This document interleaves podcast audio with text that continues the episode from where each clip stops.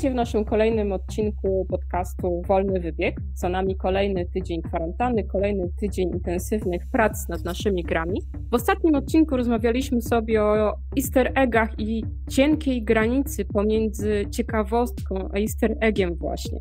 Dzisiaj będziemy poniekąd kontynuować ten temat i pogadamy sobie o ciekawostkach związanych z naszymi grami. A dzisiaj z nami są. No to Trif, cześć, Damian. Sylwek Sosik od Electroride. Ja jestem Diagoras, będę montował ten odcinek. Rolina Twardosz od Sniff Adventure. No dobrze, w takim razie dzisiaj pogadamy sobie o tych ciekawostkach i może zaczniemy dzisiaj od Damiana. Damian, opowiedz, co tam ciekawego masz w swoich grach.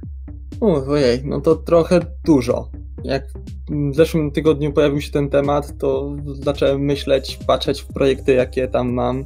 Miałem się dla Was z tym, że to, co może mnie śmieszyć ciekawostkami albo interesować, to niekoniecznie będzie kogokolwiek innego interesowało. Więc to, że na przykład na jednej dżemowej grze moje wszystkie postacie miały piękne pośladki narysowane, co moja dziewczyna narysowała, to jest spoko ciekawostką, ale jeżeli się tego nie widzi, to Najciekawszą rzeczą rzeczywiście z projektów e, będzie dotyczyła IT Was Only a Dream. To była malusieńka, naprawdę malutka, to nie jest żart, bo gra ma 128 na 128 pikseli rozmiar.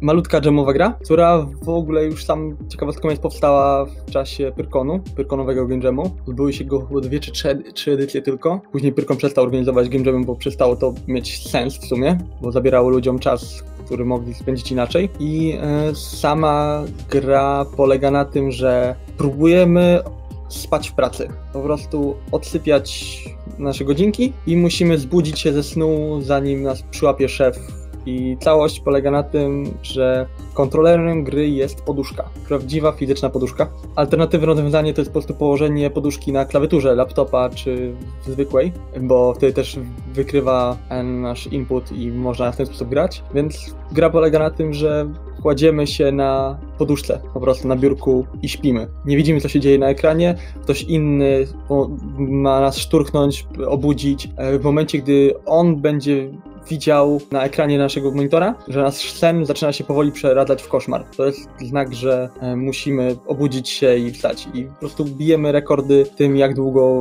te animacje snu będą w sumie tak się kumulowały, ile będziemy w stanie odespać w pracy, zanim nas przyłapie na tym szef. I sama gra no cóż, jest malutka. Ona miała chyba sześć scen takich różnych, jakieś biegnięcie przez las, płynięcie rzeką i nagle nas rekiny gonią, czy batonik, który się kończy i to jest prawdziwy koszmar, albo bateria telefonu, która też się kończy. I e, sama gra od razu już wtedy miała mod support taki, że każdy mógł dorysować własne animacje snów. No jest za darmo udostępniona. Sama gra wygrała Game Jam i Pamiętam, że wtedy jeszcze nie znałem całkowicie, nie siedziałem w świadku naszego YouTube'a. E, Head z TV Gry e, grał, nakręcił to materiale gdzieś, to tam jest w internecie dalej. To było śmieszne. Ale to jedna rzeczy takich, bo nawet wracając do Pyrkonu, e, inna gra też powstała moja na podczas Pyrkonu i to jest planszóweczka, The Perfect Potato, którą w sumie staram się też powoli dokończyć. Jest to planszówka, w której gracze rzucają karty, modyfikując jakby naszą pulę genetyczną ziemniaka, że próbują stworzyć idealnego ziemniaka. Research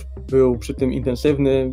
Dowiedziałem się, że istnieje w sumie w Polsce chyba 18 gatunków ziemniaków. Można je idealnie określić na dwóch osiach, że mogą być suche, mokre, bo na przykład suche ziemniaki nadają się lepiej na jakieś e, placki, a mokre do sałatek. E, ale tak, zrobiłem sobie planszóweczkę w czasie Pyrkonu i w tym momencie ona jest przepisana bez interfejsu e, jako program, bo staram się balansować ją, żeby później odezwać się gdzieś do wydawcy i spróbować malutką taką planszówkę. W sumie to jest planszówka dla dzieci, tak chyba, nie wiem, 6 lat, bo może nawet poniżej, po prostu polega na dodawaniu dwóch liczb do siebie, żeby nie przekroczyć um, wartości, tak? W sumie to jest poruszanie po prostu pionkiem po tablicy kartezjańskiej. To muszę powiedzieć, że akurat nie słyszałam nigdy jeszcze, jak mówiłeś o, o tej planszówce i o tych wszystkich ziemniakach. To jest dosyć dla mnie nawet zaskoczenie i ciekawostka. To może Sosik teraz kontynuować.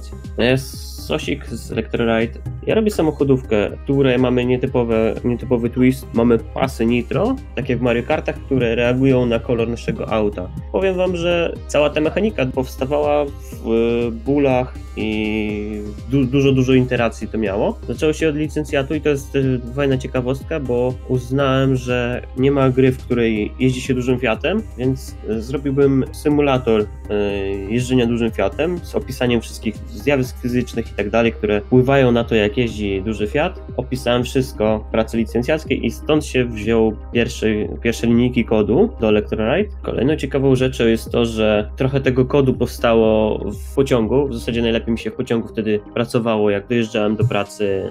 Na weekendy wracałem do Lublina, po weekendzie jechałem do Warszawy, do pierwszej mojej pracy w GameDevie. Dźwięki silnika nagrywaliśmy mikrofonami rozłożonymi po całym aucie. Pojechaliśmy wtedy z dźwiękowcem na ten, na, na lotnisko, żeby nagrać coś ciekawego, ale tu był problem y, taki, że zapakowaliśmy auto, obłożyliśmy mikrofonami, pojechaliśmy właśnie na, na ten, na to lotnisko. Okazało się, że karty nie wzięliśmy, SD. I nici były z tego potem znowu godzinę wracaliśmy do, do domu po kartę, no i zasiedzieliśmy się i było godzina trzecia. Wreszcie uznaliśmy, że po prostu yy, pojeździmy sobie po mieście i wyglądaliśmy jak debile, bo co skrzyżowanie się zatrzymywaliśmy, mimo że światła było, e, już mrugały na pomarańczowo. Jeździliśmy z różnymi prędkościami, z różną wartością gazu, gdzieś przy hamowaniu silnikiem, potem na jakimś placu próbowaliśmy ten, próbowaliśmy powtórzyć to wszystko na postoju, odpalanie, gaszenie po 15 razy, no ale udało się nagrać to wszystko i mamy dość fajny system do e, właśnie dźwięku silnika. Wszystko jest nagrane na, dużym Fiacie, więc jak e, zobaczycie Trabanta z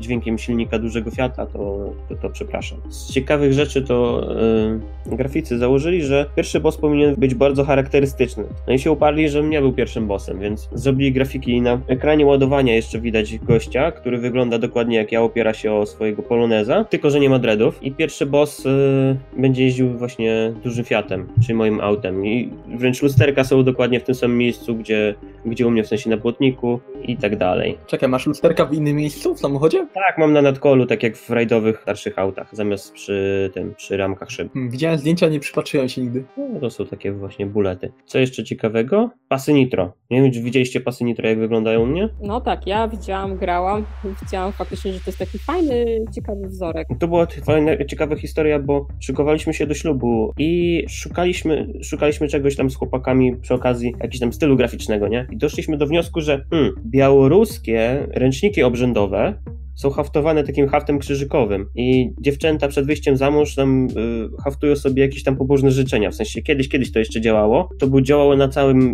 całym wschodzie Polski, y, a zachowało się jeszcze na Roztoczu i w okolicy Białego Stoku. Doszliśmy do wniosku, że w sumie to dość fajne wzorki są i niektóre wyglądają jak gwiazdki, inne wyglądają jak jakieś śnieżki, coś takiego.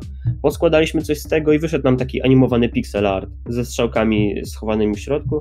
Zrobiliśmy z tego pasy właśnie do Nitro, linię mety i trochę neonowych e, wzorków na budynki. Większość pochodzi z Roztocza. No ja pamiętam, jak dopiero chyba przy drugim, trzecim wyścigu zauważyłem, że to nie są zwykłe jakieś po prostu pasek narysowany, po którym masz przejechać, żeby dostać boosta, jest wzorek i rzeczywiście później to taki widać, że wschodni, jak właśnie haftowanka, że to nie jest oczywista rzecz, którą widzi się przy pierwszym jeździe, szczególnie przy grze wyścigowej, której się skupiamy na samej jeździe. Ale to jest fajny smaczek. No był trochę problem, żeby jak zrobić, żeby płaski, e, płaski obraz, który leży na, na ziemi, przejeżdżamy w zasadzie po nim, e, ładnie się renderował z daleka i było to w ogóle widać, żeby jeszcze to rozpoznawalne było, nie? Z nazwą też jest ciekawy, ciekawy sposób, bo e, ciekawa rzecz, bo słyszałem gdzieś, że na, w nazwie powinny być dużo R, żeby wybrzmiewało, że jak jest R, to jest takie trochę, trochę, trochę takie dynamiczne, wyścigowe, E, żeby jeszcze było, żeby tak też, bo ponoć się to lepiej zapamiętuje, tak? Gdzieś tam czytałem takie,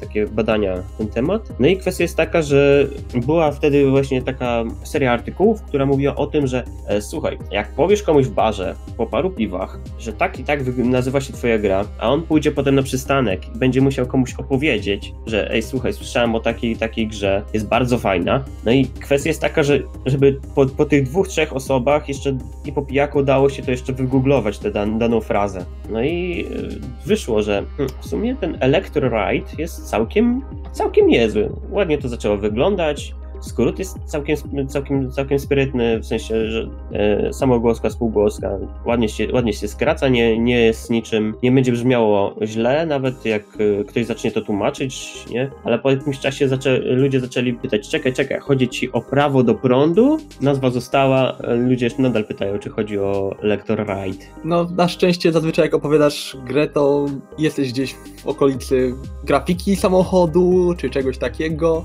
więc się to wtedy kojarzy z ride. No ale gdybyś miał na ulicy albo barze mi powiedzieć, to może bym miał problemy.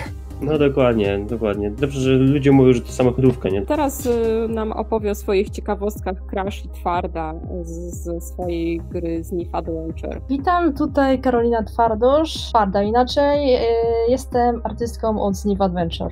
Sniv Adventure jest przygodówką point and click y, i tak naprawdę jej początki sięgają lat y, 90. Y, Byłam wtedy moda, robiłam wtedy komiksy. No, nie były one za, za dobre, bo wiadomo, byłam wtedy dzieckiem, ale biegiem lat te komiksy stawały się coraz bardziej dojrzalsze i lepsze i w końcu w późnych latach y, 2000 komiks przerodził się w dziesięciotomowe dzieło. Ogólnie historia dotyczyła repetii Zida i Znif, tak? Tam był Zid i Znif, e, stąd też pierwotny tytuł naszej gry, który został później e, odpuszczony. I te tomy e, były luźno ze sobą powiązane, ale łączyła je nadrzędna fabuła odrestaurowania regionu, w którym żył Zid. Znif tam robiła rolę takiej pyskatej, smarkatej dziewczyny, tak? E, Ona była jeszcze gorsza niż w naszej grze, ale z biegiem czasu jej charakter stawał się coraz lepszy i ona się stawała też dojrzalsza. Cały ten lore i cały ten świat miał trochę więcej sensu w, w tym dziesięciotomowym dziele niż w tej grze, którą tutaj mamy, dlatego tam Czyli było tak, że e, łatwiej było ci przygotować cały komiks i, i właściwie całe to dzieło niż grę, tak? Tak, pod pewnym względem to jest tak, że masz e, jedną grę,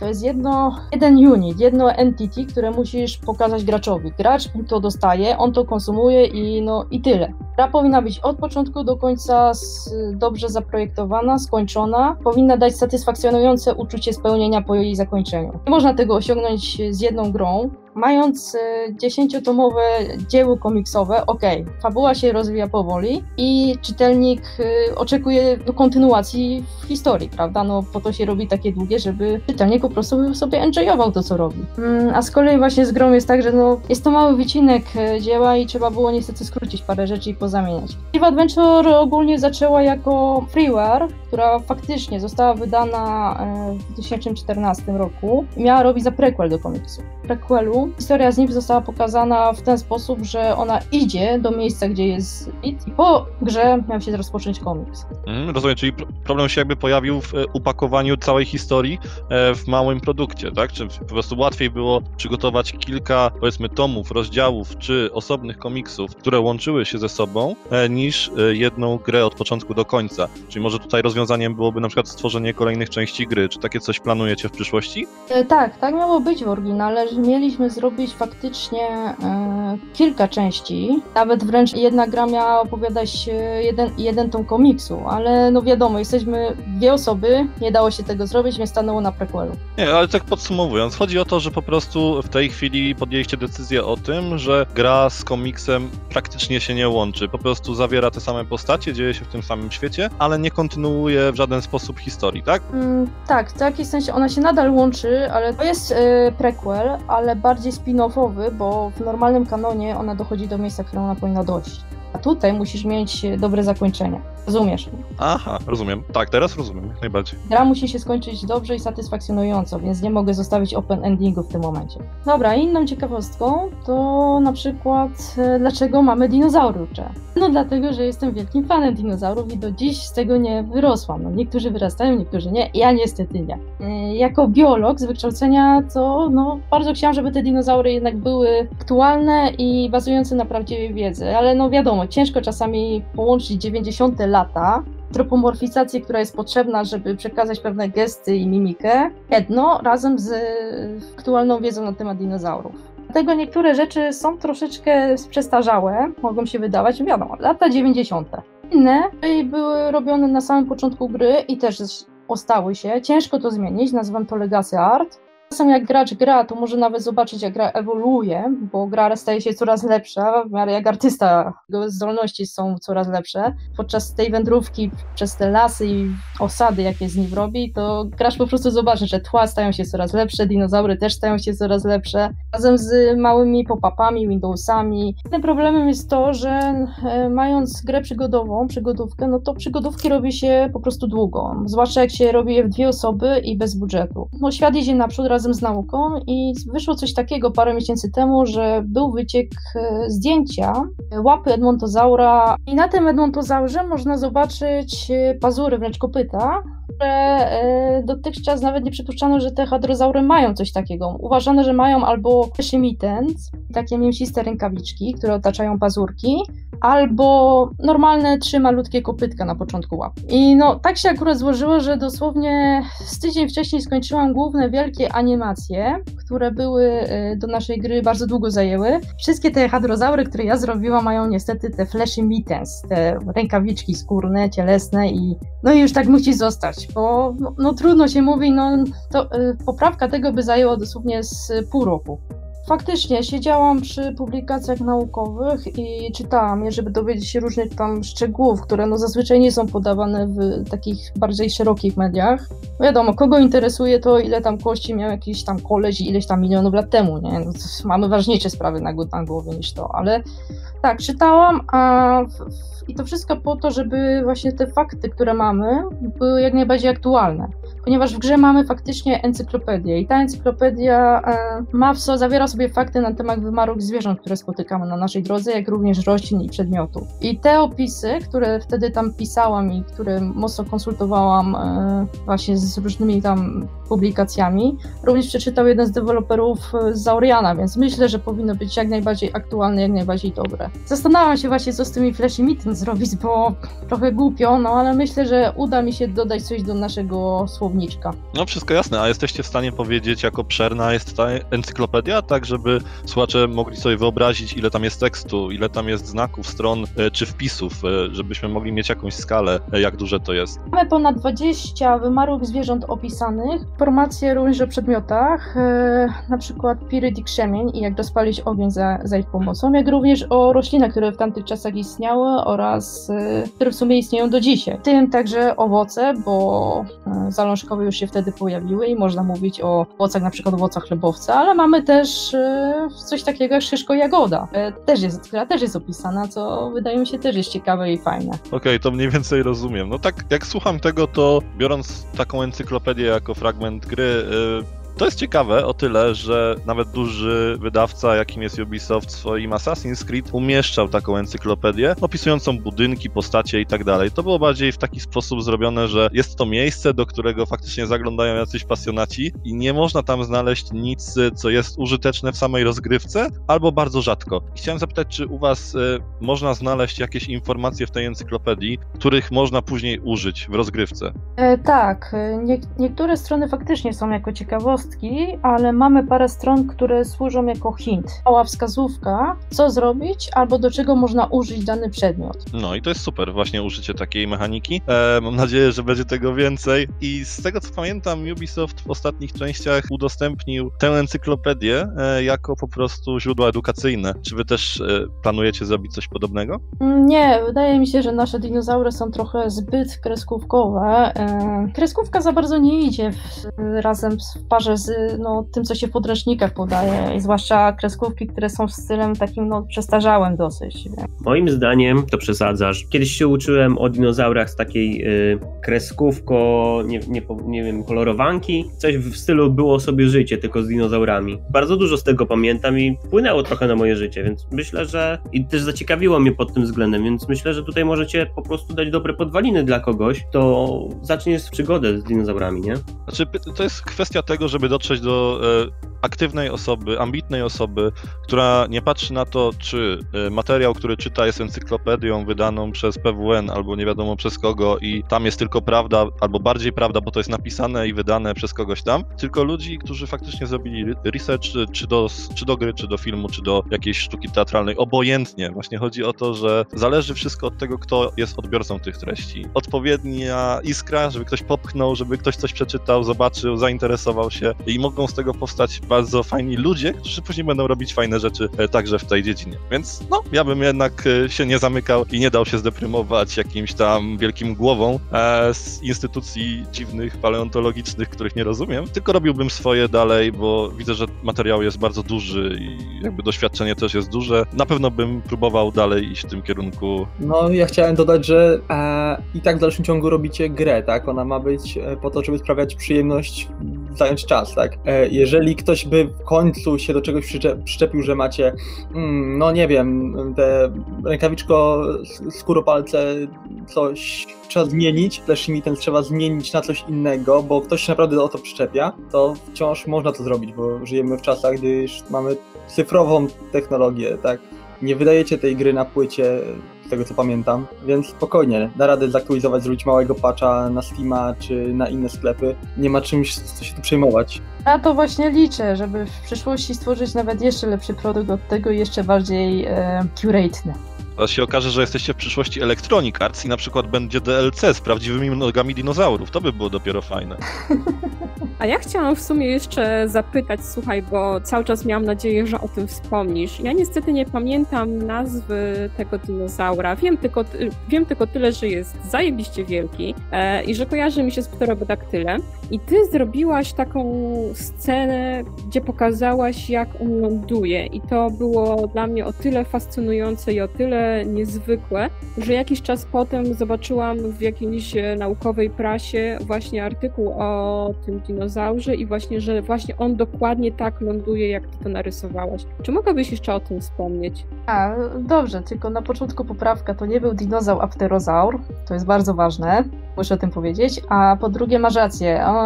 Lądowanie tego pterozaura, jak i jego startowanie bazuje na śladach odkrytych przez paleontologów i faktycznie przestudiowałam te tropy. Także jak zobaczysz, jak on ląduje i odbija się kawałek, powrotem spada na te cztery łapy e, i przyjrzysz się tym tropom, zobaczysz, że dodałam nawet ten ruch pazurków ziemi, które są zaznaczone na tych e, śladach, które się zachowały. Co do startowania, to wiadomo, e, pterozaury miały quadrupedal launch, czynały trochę jak toperze. Jeżeli sobie wyrazimy nietoperza, to on ma bardzo duże przednie kończyny, tak? One są skrzydłami, one pychają go do przodu. Toperze chwytają się mocno ziemi, lecą sobie ładnie, pięknie, silnie, wybijając się z, e, no, z rączek. Pterozaury działały podobnie, oczywiście pterozaury to gady, a nietoperze to ale działały podobnie faktycznie, miały bardzo mocne kończyny przednie i potrafiły się, potrafiły się nimi wybić bardzo mocno, tyle mocno, że potrafiły no, polecieć. Niestety przez wiele lat paleontolodzy byli troszeczkę e, no, zaślepieni tym, że no, nie mają za bardzo porównania, a ptaki są dzisiaj główną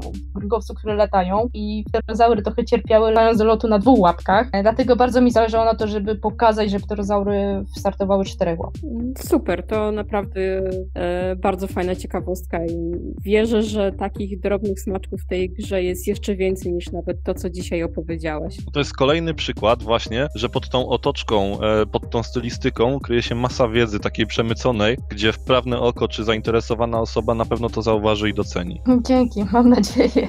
Wiecie, jestem artystą. Jako artysta bardzo chciałabym, żeby moje dzieła były mm, odbierane przez wszystkich najlepiej, prawda? Przez wszystkich, przez każdego. Wiele gier powstaje tak, że nie biorą pod uwagę ludzi, którzy nie widzą kolorów i to jest w sumie normalne, bo wiele z nas po prostu widzi normalnie kolory, tak? Mam tutaj Łukasza, mojego programistę, który cierpi na deuteroanomalię jest bardzo dobrym testerem, dzięki któremu mogę sprawdzić, czy na pewno te kolory, te odcienie, które dałam, są aby na pewno dobrze widoczne dla niego. Jeżeli będzie widoczne dla niego, to przynajmniej dla części tych, którzy nie widzą koloru, będzie też widoczne dla nich. No dobrze, w takim razie na sam koniec zostałam jeszcze ja. Ja tylko jeszcze dodam na sam y, koniec y, poprzedniej wypowiedzi, że się zastanawiam bardzo, czy komiksowa Zniw, czyli w czasach, kiedy twarda Karolina y, robiła ten komiks w latach 90., czy ta złośliwa Zniw była podobna do Karoliny? Może się kiedyś dowiemy.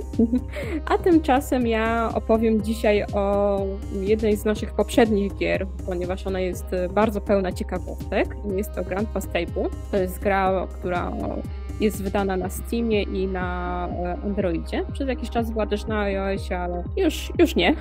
I to jest gra, jak już wspominałam w poprzednim odcinku, puzzlowa. I ona jest osadzona mniej więcej tak, to nie jest powiedziane wprost, ale to są lata tak około 1925 roku. Tak, tak, pi razy drzwi. Historia opowiada właśnie historię dziadka, który ma, mówiąc wprost, demencję i za pomocą wspomnień, które odkrywa grając w grę logiczną, przypomina sobie historię swojego życia. No i właśnie z tymi wspomnieniami są związane wszystkie tak naprawdę ciekawostki związane z naszą grą. Większość, większość. I na przykład w tych wspomnieniach w szufladzie można znaleźć takie rzeczy jak pierwszym, pierwszym yy, znaczek pocztowy można na przykład znaleźć, ale to nie jest zwykły znaczek pocztowy. E, nie wiem, czy wiecie, ale pierwszym znaczkiem pocztowym w historii był znaczek o nazwie Penny Black z 1840 roku był wydany w Wielkiej Brytanii i on działał dosłownie dokładnie przez e, rok czasu, ale się nie za bardzo przyjął, bo nie było na nim widać e,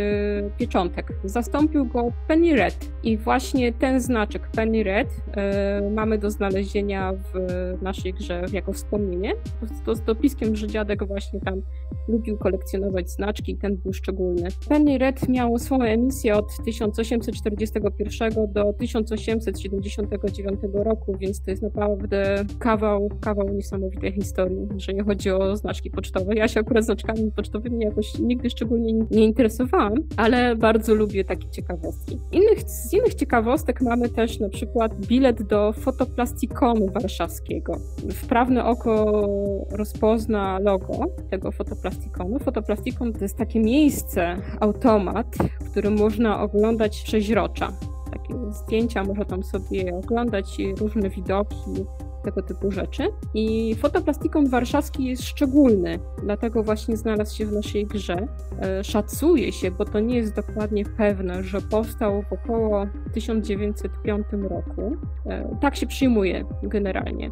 To najstarszy fotoplastikon w Europie i teraz jest akurat kwarantanna, więc teraz nie działa, ale generalnie działa do e, dzisiejszego dnia. I jeszcze przed kwarantanną myślę, że były tam jakieś wystawy, które można było obejrzeć, a na pewno w zeszłym roku jeszcze były. Mm, z innych rzeczy mamy też w szufladzie do znalezienia prawdziwą reklamę Forda T, który był produkowany w 1908 roku do 1927.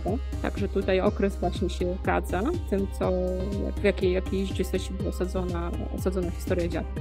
E, mamy też e, okładkę książki, pierwsze wydanie Podróż do wnętrza Ziemi. To też jest właśnie fajna rzecz, to jest 1874 rok i właśnie taką okładkę można sobie zobaczyć w dziadku.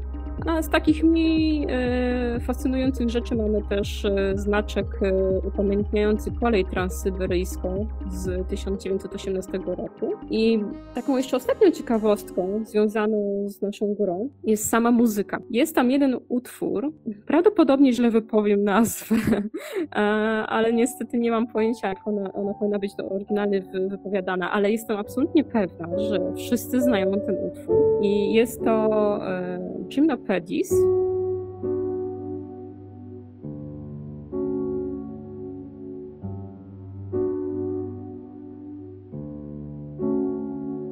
Ciekawostką dotyczącą tego utworu jest to, że on powstał gdzieś tam w okolicach 1888 roku. Został skomponowany przez Erika Satie, który się urodził w 1866 roku. I to jest niesamowicie ciekawa postać. Dlatego została przeze mnie uwieczniona w naszej grze. Nazywany był przez krytyków e, genialnym błaznem, dlatego że w czasach, kiedy wszyscy tworzyli, e, kompozytorzy tworzyli taką muzykę pełną dramatyzmu, pompatyczną, taką strasznie napuszoną, to on stwierdził, że on, on będzie robił inaczej, on będzie robił po swojemu, on będzie robił muzykę, która będzie użyteczna, która będzie jak mebel w domu, która będzie służyła komfortowi e, mieszkańców tego domu, że to będzie muzyka tak naprawdę ambientowa. Ta jego muzyka e, była takim przełamaniem tego takiego nurtu, tworzenia takiej pompatycznej muzyki i oczywiście to wzbudzało ogromny szok, no bo jak to tak? Nie, nie, nie siedzimy tutaj, wszyscy nie słuchamy, tylko tak po prostu gdzieś sobie tam leci w tle i, i sobie żyjemy. No, dlatego ludzie byli naprawdę ogromnie zszokowani jego postawą, jego muzyką. I to też powód, dla którego bardzo chciałam go uwiecznić, bo mało kto wie o tym, o tym kompozytorze, a jestem przekonana, że utwór jest znany y, ogromnej liczbie osób, dlatego że jest on bardzo popularny i był używany nawet w wielu filmach, także jestem przekonana, że od, od teraz będziecie już wiedzieć, skąd ten utwór się wziął. No i myślę, że to jest tyle, jeżeli chodzi o ciekawostki z e, dziadka. Znaczy, ja dziadka pamiętam bardzo dobrze, bo tak naprawdę mm, na wczesnym etapie produkcji powiedzmy, że byłem bardzo blisko e, samego procesu i pomagałem wam trochę, jeżeli chodzi właśnie o same ciekawostki. Też pamiętam, że e, to troszeczkę wyszło e, podczas gry, że czegoś brakowało i wtedy wpadliście na ten pomysł, żeby e, właśnie dorobić tą historię do dziadka. Na początku to była tylko gra logiczna, jeżeli dobrze pamiętam, Iza, bo to też było tak dawno. E, tak było. Na początku faktycznie ta gra po prostu była sympatyczną grą puzzlową. E, zresztą e, dla ciebie są podziękowania w samej grze. Tak, jestem w napisach, dokładnie, więc e, tutaj nic nie wciśnie. tak, dokładnie. No słuchaj, gdyby nie te, e, gdyby nie te ciekawostki, w dziadku i gdyby nie ta fantastyczna fabuła, której na początku właśnie nie było, to nie mielibyśmy wielu tak naprawdę fanów, którzy do, do, do dzisiaj piszą e, do nas w związku z dziadkiem. Chociaż on ma już kilka lat na karku, to wciąż e, ludzie piszą i mówią właśnie, że klimat jest niepowtarzalny. To jest kolejny przykład na to, że właśnie małe rzeczy, które gdzieś tam dołożymy w grze, znajdują tych ludzi, którzy są w stanie zadać pytania, e, wejść w interakcję z grą. A to jest właśnie to, co gry wyróżnia na tle innych mediów, e, że właśnie tutaj mamy tą interakcję, tutaj mamy dzieło, na które ktoś może mieć wpływ. Może coś zmienić, może coś zrobić, może podjąć akcję, która nie jest przewidziana, nawet nie przewidziana przez twórców. Oczywiście każdy deweloper stara się maksymalnie pokryć wszystkie scenariusze, jakie użytkownik może wykonać. Nawet jeśli użytkownik zrobi coś bardzo nieprzewidywalnego, a dostanie jakąś reakcję ze strony gry, że my jednak rozumiemy, że mogłeś to zrobić i teraz damy ci coś za to, na przykład jakiś specjalny dialog, czy, jakąś, czy jakiś pop-up ze zdjęciem, czy obojętnie co to będzie, to zawsze to jest takie oczko puszczone w stronę e, graczy i wszyscy, każdy bez wyjątku to doceni. Tutaj, jeżeli mówimy o ciekawostkach, które są w szufladzie i odblokowują fabułę, tak naprawdę w grze logicznej, co nie jest taką codziennością, to jestem przekonany, że właśnie reakcja będzie taka, no jaka była. Możemy ją teraz sprawdzić, że są osoby, które po prostu wchodzą z wami w interakcję, piszą do was wiadomości, pytają się, dopytują. Jestem też pewien, że sprawdzają historię tych przedmiotów, które tam widzieliście. Czyli jeżeli ty mówisz, że mamy znaczek, który gdzieś tam jest z początku XIX wieku i, e, i nie widać pieczątek, to ja myślę, że są osoby, które nie wiedziały o tym, ale już wiedzą, bo właśnie tylko dlatego, że go zobaczyły, to zaczęły sprawdzać, co to jest skąd to jest, e, jaką ma za sobą historię i być może szukać wskazówek do samej gry. No tutaj oczywiście ciężko znaleźć wskazówki w grze logicznej, no tutaj to się opiera jednak na jakichś tam naszych e, pomysłach i na naszym przewidywaniu tego, gdzie dany klocek powinien się znaleźć e, końcowo, jak go tam umieścić i tak dalej. Natomiast wiele gier takich, jak tutaj mieliśmy do czynienia z point and clickami, myślę, że takie wskazówki ukryte między wierszami są bardzo cenne. Oczywiście nie tak, żeby nie dało się bez tych wskazówek przejść danego poziomu, ale żeby znacząco ułatwiły ten poziom, to jest mega nagroda dla każdego gracza, który jest taki dociekliwy. Pięknie to podsumowałeś. No i tak naprawdę chyba możemy tym podsumowaniem zakończyć dzisiejszy podcast który właśnie mieliśmy o ciekawostkach i następny też będzie o ciekawostkach. E, w następnym odcinku przede wszystkim porozmawiamy sobie o kosmosie i o Rings of Saturn, także dla wszystkich e, fanów kosmosu to będzie niesamowita kratka mm, i zapraszamy za tydzień na następny odcinek, a dzisiaj z nami byli Tref, tref, cześć, cześć, cześć. Tosikot, Electry Ride, cześć. Trzymajcie się. Twardo z Adventure. Trzymajcie się, cześć.